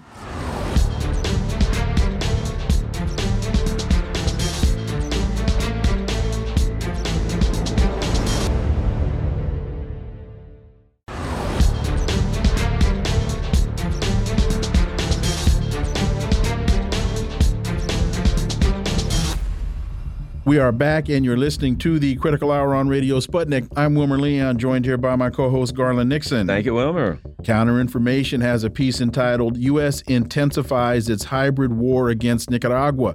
The U.S. is doing all it can to prevent Nicaragua from optimizing the democratic security of its state by dismantling hybrid war networks. For insight into this, let's turn to our next guest. He's the co host of The Convo Couch and AM Wake Up on Rokfin, Craig Pasta-Jardula. Craig, welcome back. Gentlemen, thank you so much for having me on. So, the North American giant has been waging a multifaceted campaign against Nicaragua, employing a mix of economic sanctions, media info war manipulation, and outright political interference to undermine the, the legitimacy and stability of the Nicaraguan government. The U.S. has also supported various opposition groups and NGOs and movements that seek to overthrow the elected authorities and instigate a regime change in the Central American country. Craig, I don't understand how this could be true, since President Biden has told us many times that the U.S. supports sovereignty, that the U.S. champions democracy, and that the voice of the people should be heard. He said that when he hosted the summit with some of the Americas that was in Los Angeles. So, Craig, help me. Am I not to believe Joe Biden? you are not to believe Joe Biden, Dr. Wilmer, because oh, well then you know, thank you, you and let's laugh. move on. okay, gotcha. Yeah, case closed. You know, I just recently got back. I've been there twice in the last two and a half years. One, observing their election, which was one of the most cleanest elections I've saw throughout my travels of Latin America, where I've observed about five or six elections down there now. Boy, I, I really wish we can get some of their election practices here in the United States. But you know, when you when you hear Joe Biden, hear Antony Blinken, they talk about sovereignty, they talk about national sovereignty involved in these countries' businesses, just like they're talking about Pakistan. It makes you laugh. But when you're talking about Nicaragua, you got to laugh real hard because there's such a rich history. Everything to the Iran Contra scandal that we know, where the United States foreign uh, policy apparatus supported uh, a civil war in the Contras, up to all the way back to uh, just recently in 2018, where they tried to overthrow the government over there too as well. Where you know it's not just the Nicaraguan government, it's the Sandinistas government which fought back hard against those Contras. But when you go to these countries, gentlemen, you see that the people they like their government, they want their government. So this is just about the United States foreign policy apparatus and the military industrial complex, along with these NGOs and CIAs, just crying because this is another country, just like Cuba, just like Venezuela, in which they've completely, completely lost. Uh, another uh, important and something you've been working on. ScheerPost has an article: Bidenomics, millions to rebuild Maui, billions for Ukraine. Um, and the bottom line is, uh, while Joe Biden's asking for another 25 billion for Ukraine, he's like 700 dollars for Maui victims, and it certainly appears as though they're the the government wants to uh, put the grab on the land of the people who've had their homes burned and many times in many instances they've lost their children and their entire families to the fire. And and you have a uh, you have a documentary coming out as well. Yes i do. I just returned recently from lahaina. I spent four and a half days there talking to the locals talking to the activists talking to people you know who just have uh, businesses in the hospitality tourism business how they're suffering. And, and i got a lot of great information that's going to be coming out on friday october the, uh, excuse me friday september 29th uh, and it's going to give a, paint a picture. And let me tell you, everything you just said there, Garland, the way you know Ukraine gets billions and billions of dollars. By the way, Zelensky's in town this week. I think some people should show up in front of the White House or the Capitol or wherever that slimy son of a beeswax is going to be with some signs and some jester hats. But the people of Lahaina are very, very upset they're getting $700 per household. It feels like an orchestrated gentrification. They don't have, they haven't gotten answers on why this happened, why there was such a breakdown in the uh, in the crisis response, and where these governors and other elected officials are invested in as far as their money and time. Governor Josh Green uh, was the keynote speaker for 15 Minute Cities, Sustainable Cities, three months before this disaster happened in the UN. So there's a lot of suspicious going uh, suspicion going on a lot of hiding of the truth. And it, it really is just a smack in the face that uh, Zelensky's going to show up for his failed operation, and they're going to probably five billion, like you said, and the people of Lahaina are suffering. This piece uh, it, it states it's not as if fire victims in Hawaii are the last of a one-time freak disaster. There will be many more. Fire is in our future. We know that because of what happened in California over the last few years, the devastating fires that that hit uh, hit northern and southern California, and as we now find ourselves what I believe to be on the front end of utter climate disaster, to the point in this piece, fire is in our future. Yeah. Well, you know what? I hate to kind of quote Donald Trump uh, here, but you know, uh, he once made a statement when he was talking about the California fires, and he was saying they don't they don't rake up the place enough, they don't clean it enough, they don't have enough controlled burns. You know, there is some truth to that. You know, when it came to the fires in Lahaina, it seems like the conditions were perfectly set for these winds to take this fire and take it to another level. There's been talk of diversion of water for quite some time. You know, I'm more in the camp of the way water is taken and used as an asset and only used by the rich and the, the privileged and the poor seem to suffer setting the conditions for these places. So I think there's a lot we can do as humans if we got some transparency to find out how we can prevent these things. I mean, look, natural disasters are natural disasters. They're always going to happen.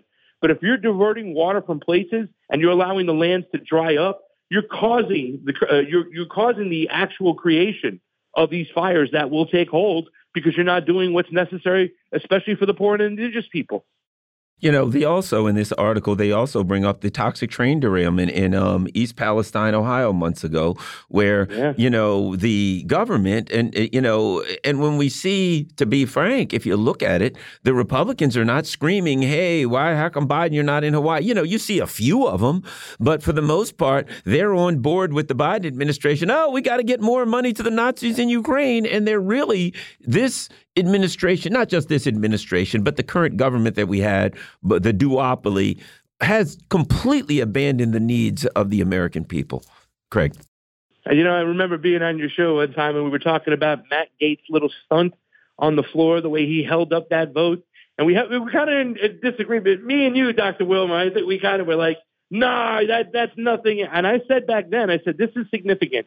This is something that the Democrats, the fraud squad, you know, the progressives that we put in office that we wanted them to do. And now who's speaking up again today? It's Matt Gaetz. It's the populist right. It's Marjorie Taylor Greene. It's Paulina Aguilar saying, we're not going to send money. We're not going to approve the budget if you continue to send money for Ukraine. Now, I'd like them to dig a little bit deeper, and I'd like to see a Rand Paul or a Thomas Massie explain the disaster that is going on in Ukraine, that they are losing this war. They are not making significant gains. The death toll has even risen for Ukrainians compared to Russians, and it's a failed operation. We shouldn't be giving them money. We should be giving it to the people of Lahaina, the people of East Palestine, and the people of Flint, Michigan. Let's do that. Let's get that trifecta back in. Those people need the money. And, you know, even though I'm thankful for some of the populist right speaking up, man, I wish, where's our Democrats? Where's our lefties speaking up? Nothing. Silent. You have just come from Lahaina. You spent almost five days there. What would be your top two or three takeaways from the folks that you spoke to Speak on their behalf if you can. And what are the two or three salient points that you think Americans need to understand post Joe Biden's photo op in Hawaii? Well, number one, that lack of transparency, that lack of telling the truth on number one, why the conditions were created uh, for this fire to take place, the diversion of water for many years, uh, the water system itself. They've been really silent on that. Nobody's speaking for it so they need some transparency. They un- they need to understand why so many things broke down during the fire itself, why the police weren't letting people out, why that water was turned off, why the sirens weren't sounded. Uh, and th- that's the number one issue, first off. Number two, uh, people have to understand that Maui is not closed. Maui, 80% of the money that comes in comes in via tourism. So the governor and the rest of the elected officials and Aquaman himself were wrong to tell people that Maui is closed. Lahaina is closed. They need to mourn. They need to take care of their situation. Uh, but the rest of the island, I went to the other side of the island in Hana, the opposite side of Lahaina, and their business is down 99%.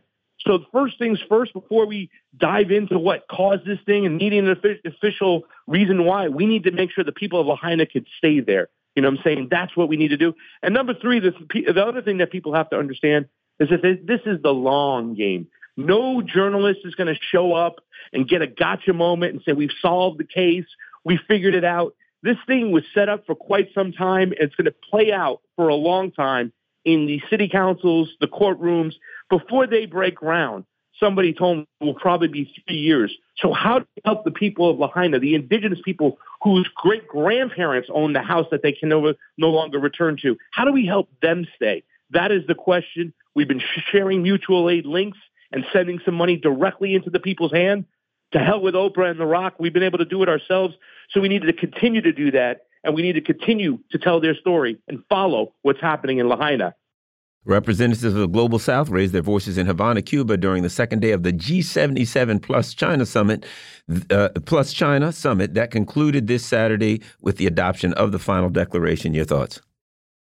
Uh, you know, I was just in Cuba recently too, as well uh, and a lot of things I discovered over there. This is a new dawn. It's a new day.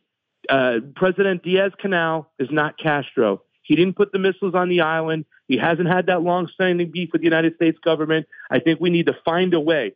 They're switching their models. They're going away from that old communist, communism style, and they've asked the Russians and Chinese to come in and help them develop markets. Why shouldn't the children of Cuba, the ones who were born in the United States, whose parents had to flee for whatever reason, why shouldn't they be involved in the reconstruction of Cuba moving forward? I say this is a time we look and we say, hey, man, we find a way to make a peace agreement with these people. I know it's not logical because our government is always going to have a problem with them. But this is the time with this new leader. It's a new dawn. It's a new day. And I hope we can push to find a way to, to find some built, bridge being built between the United States and the Cubans. Do you see any parallels between the policy positions of the United States towards Cuba and the United States towards Haiti? Absolutely. The only thing is in Haiti, they've been able to pull off their uh, governmental control, removing those presidents time after time. They haven't been able to do that in Cuba. So there is a parallel where it seems there's a lot of NGOs that want that real estate In the case of Haiti, they want those minerals that people aren't talking about it. That's what it's about. It's extracting those minerals for pennies on the dollar. In Cuba, they wanted that real estate and they got it taken away from them because a lot of people just think it's all about the mob and the casinos. No, 80% of the businesses in Cuba before the revolution were owned by Western corporations. They want it back. So yes, I see a direct parallel. The only difference is the people of Cuba will not let it happen.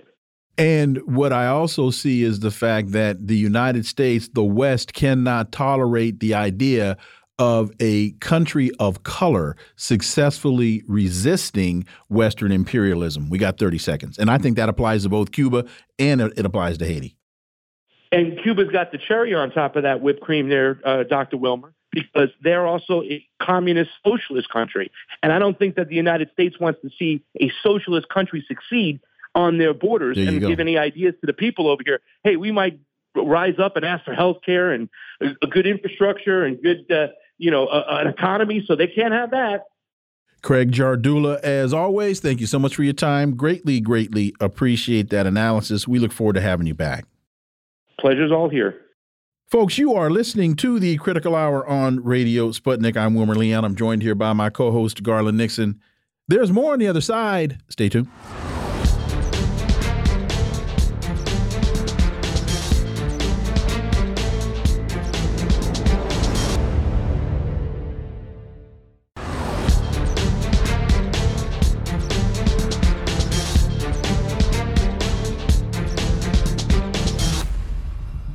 We are back, and you're listening to the Critical Hour on Radio Sputnik. I'm Wilmer Leon, joined here by my co host, Garland Nixon. Thank you, Wilmer. There's a great piece in Black Agenda Report entitled, A Justice System That Is Not Fair and Just for Everyone Is Not Fair and Just for Anyone.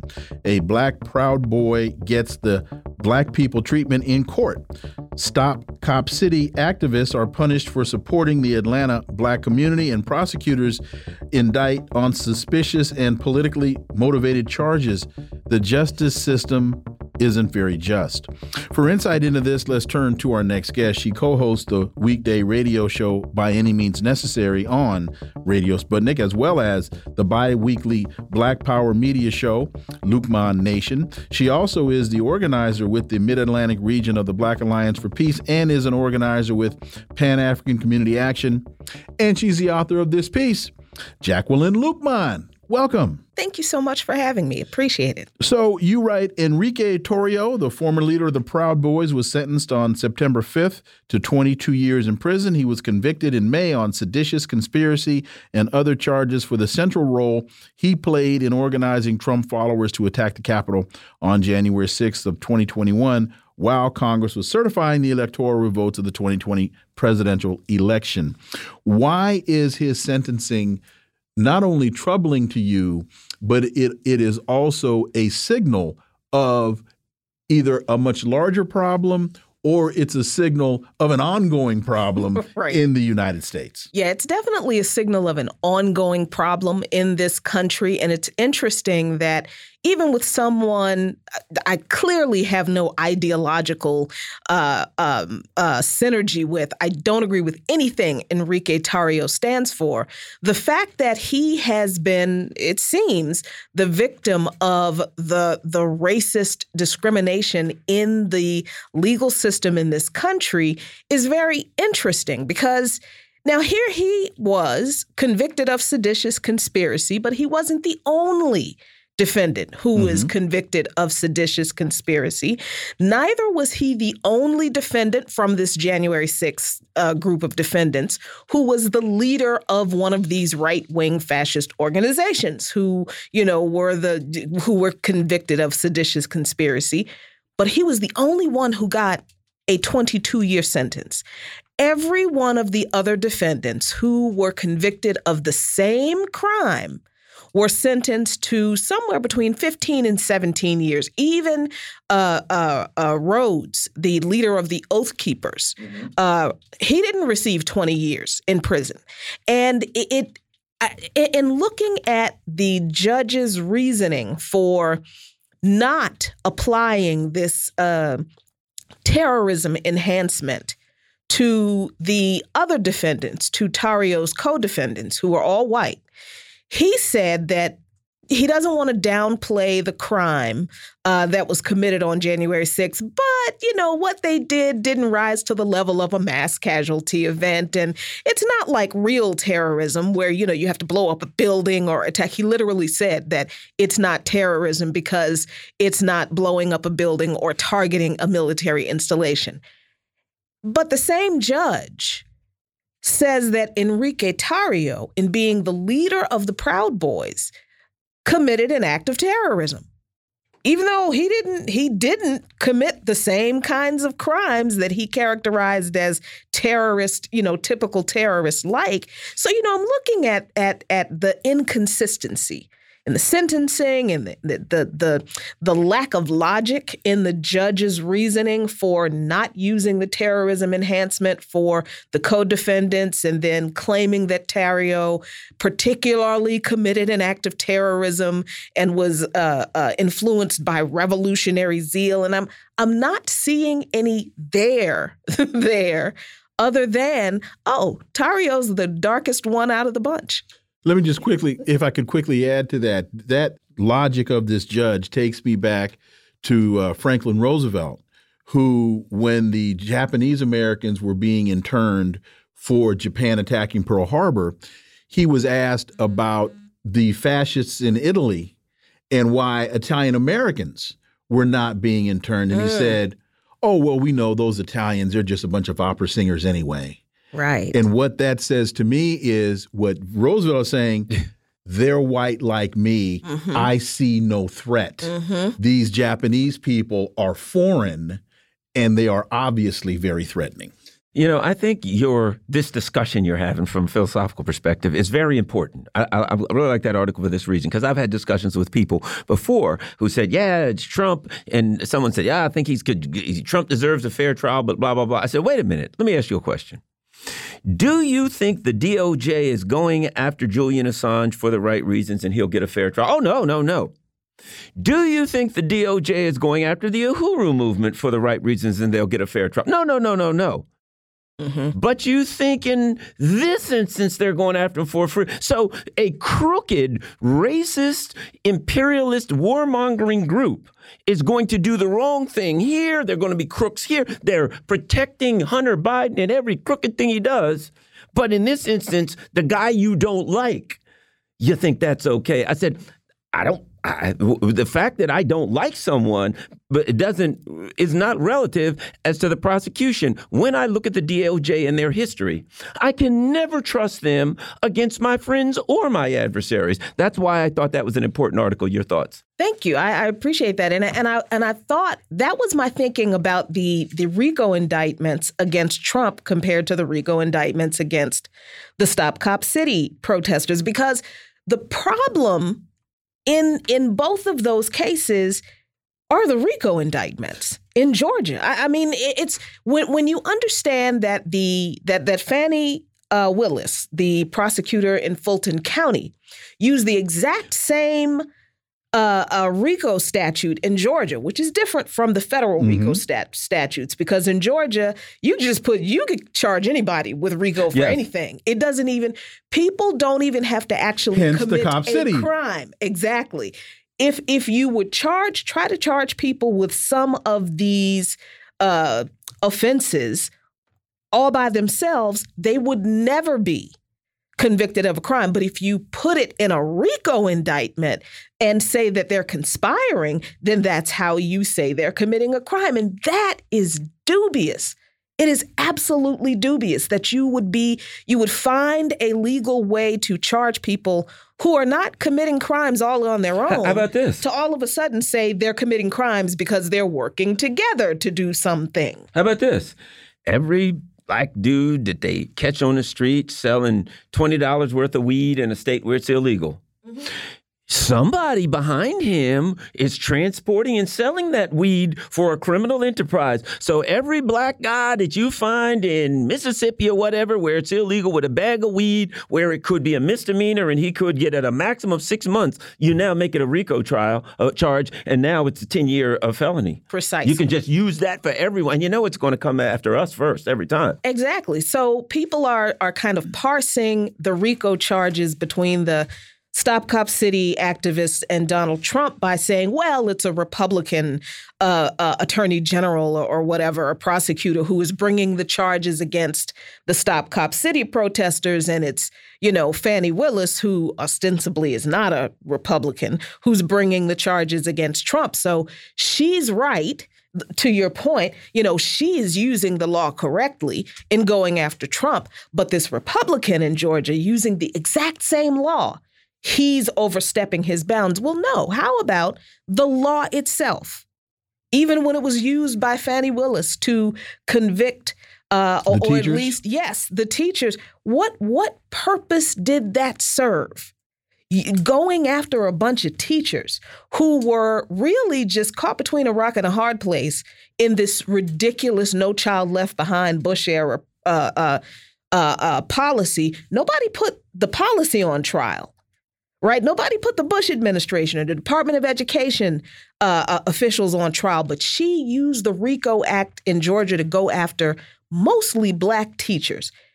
I don't see how we celebrate uh, a law that is clearly deeply flawed and obviously easily used to I, I don't know if this is the accurate legal term to use but entrap people i guess in, you know to charge them with with crimes when they haven't committed crimes for purely political reasons if the law is able to be used in that way at all how can it ever be applied fairly and justly in any instance? I don't see how it can there's a piece in Black Agenda Report how the Black Misleadership class provides cover to Cop City. If you could explain to the audience, a lot of folks really don't know. They they may have heard the term Cop City, but they don't really understand what's at the crux of the issue.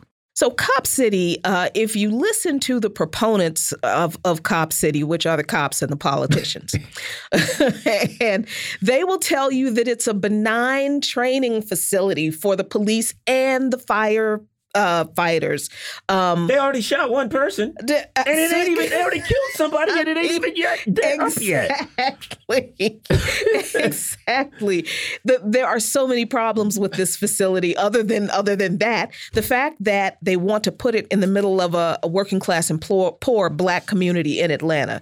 Most of the people there don't want it. They're going to clear cut a forest, a public forest for to build this facility. People don't want that. They're going to provide subsidized Be- mm-hmm. because the land had already been designated right. for another purpose. Th- that's right. And they are now through eminent domain mm-hmm. seizing this property right. and misappropriating the property mm-hmm. to serve their own interests. Exactly. And then they're they're going to provide some kind of subsidized housing for the police the people in the neighborhood can barely afford their rent. How are you going to provide subsidized housing with the tax dollars of the people in that neighborhood for the cops?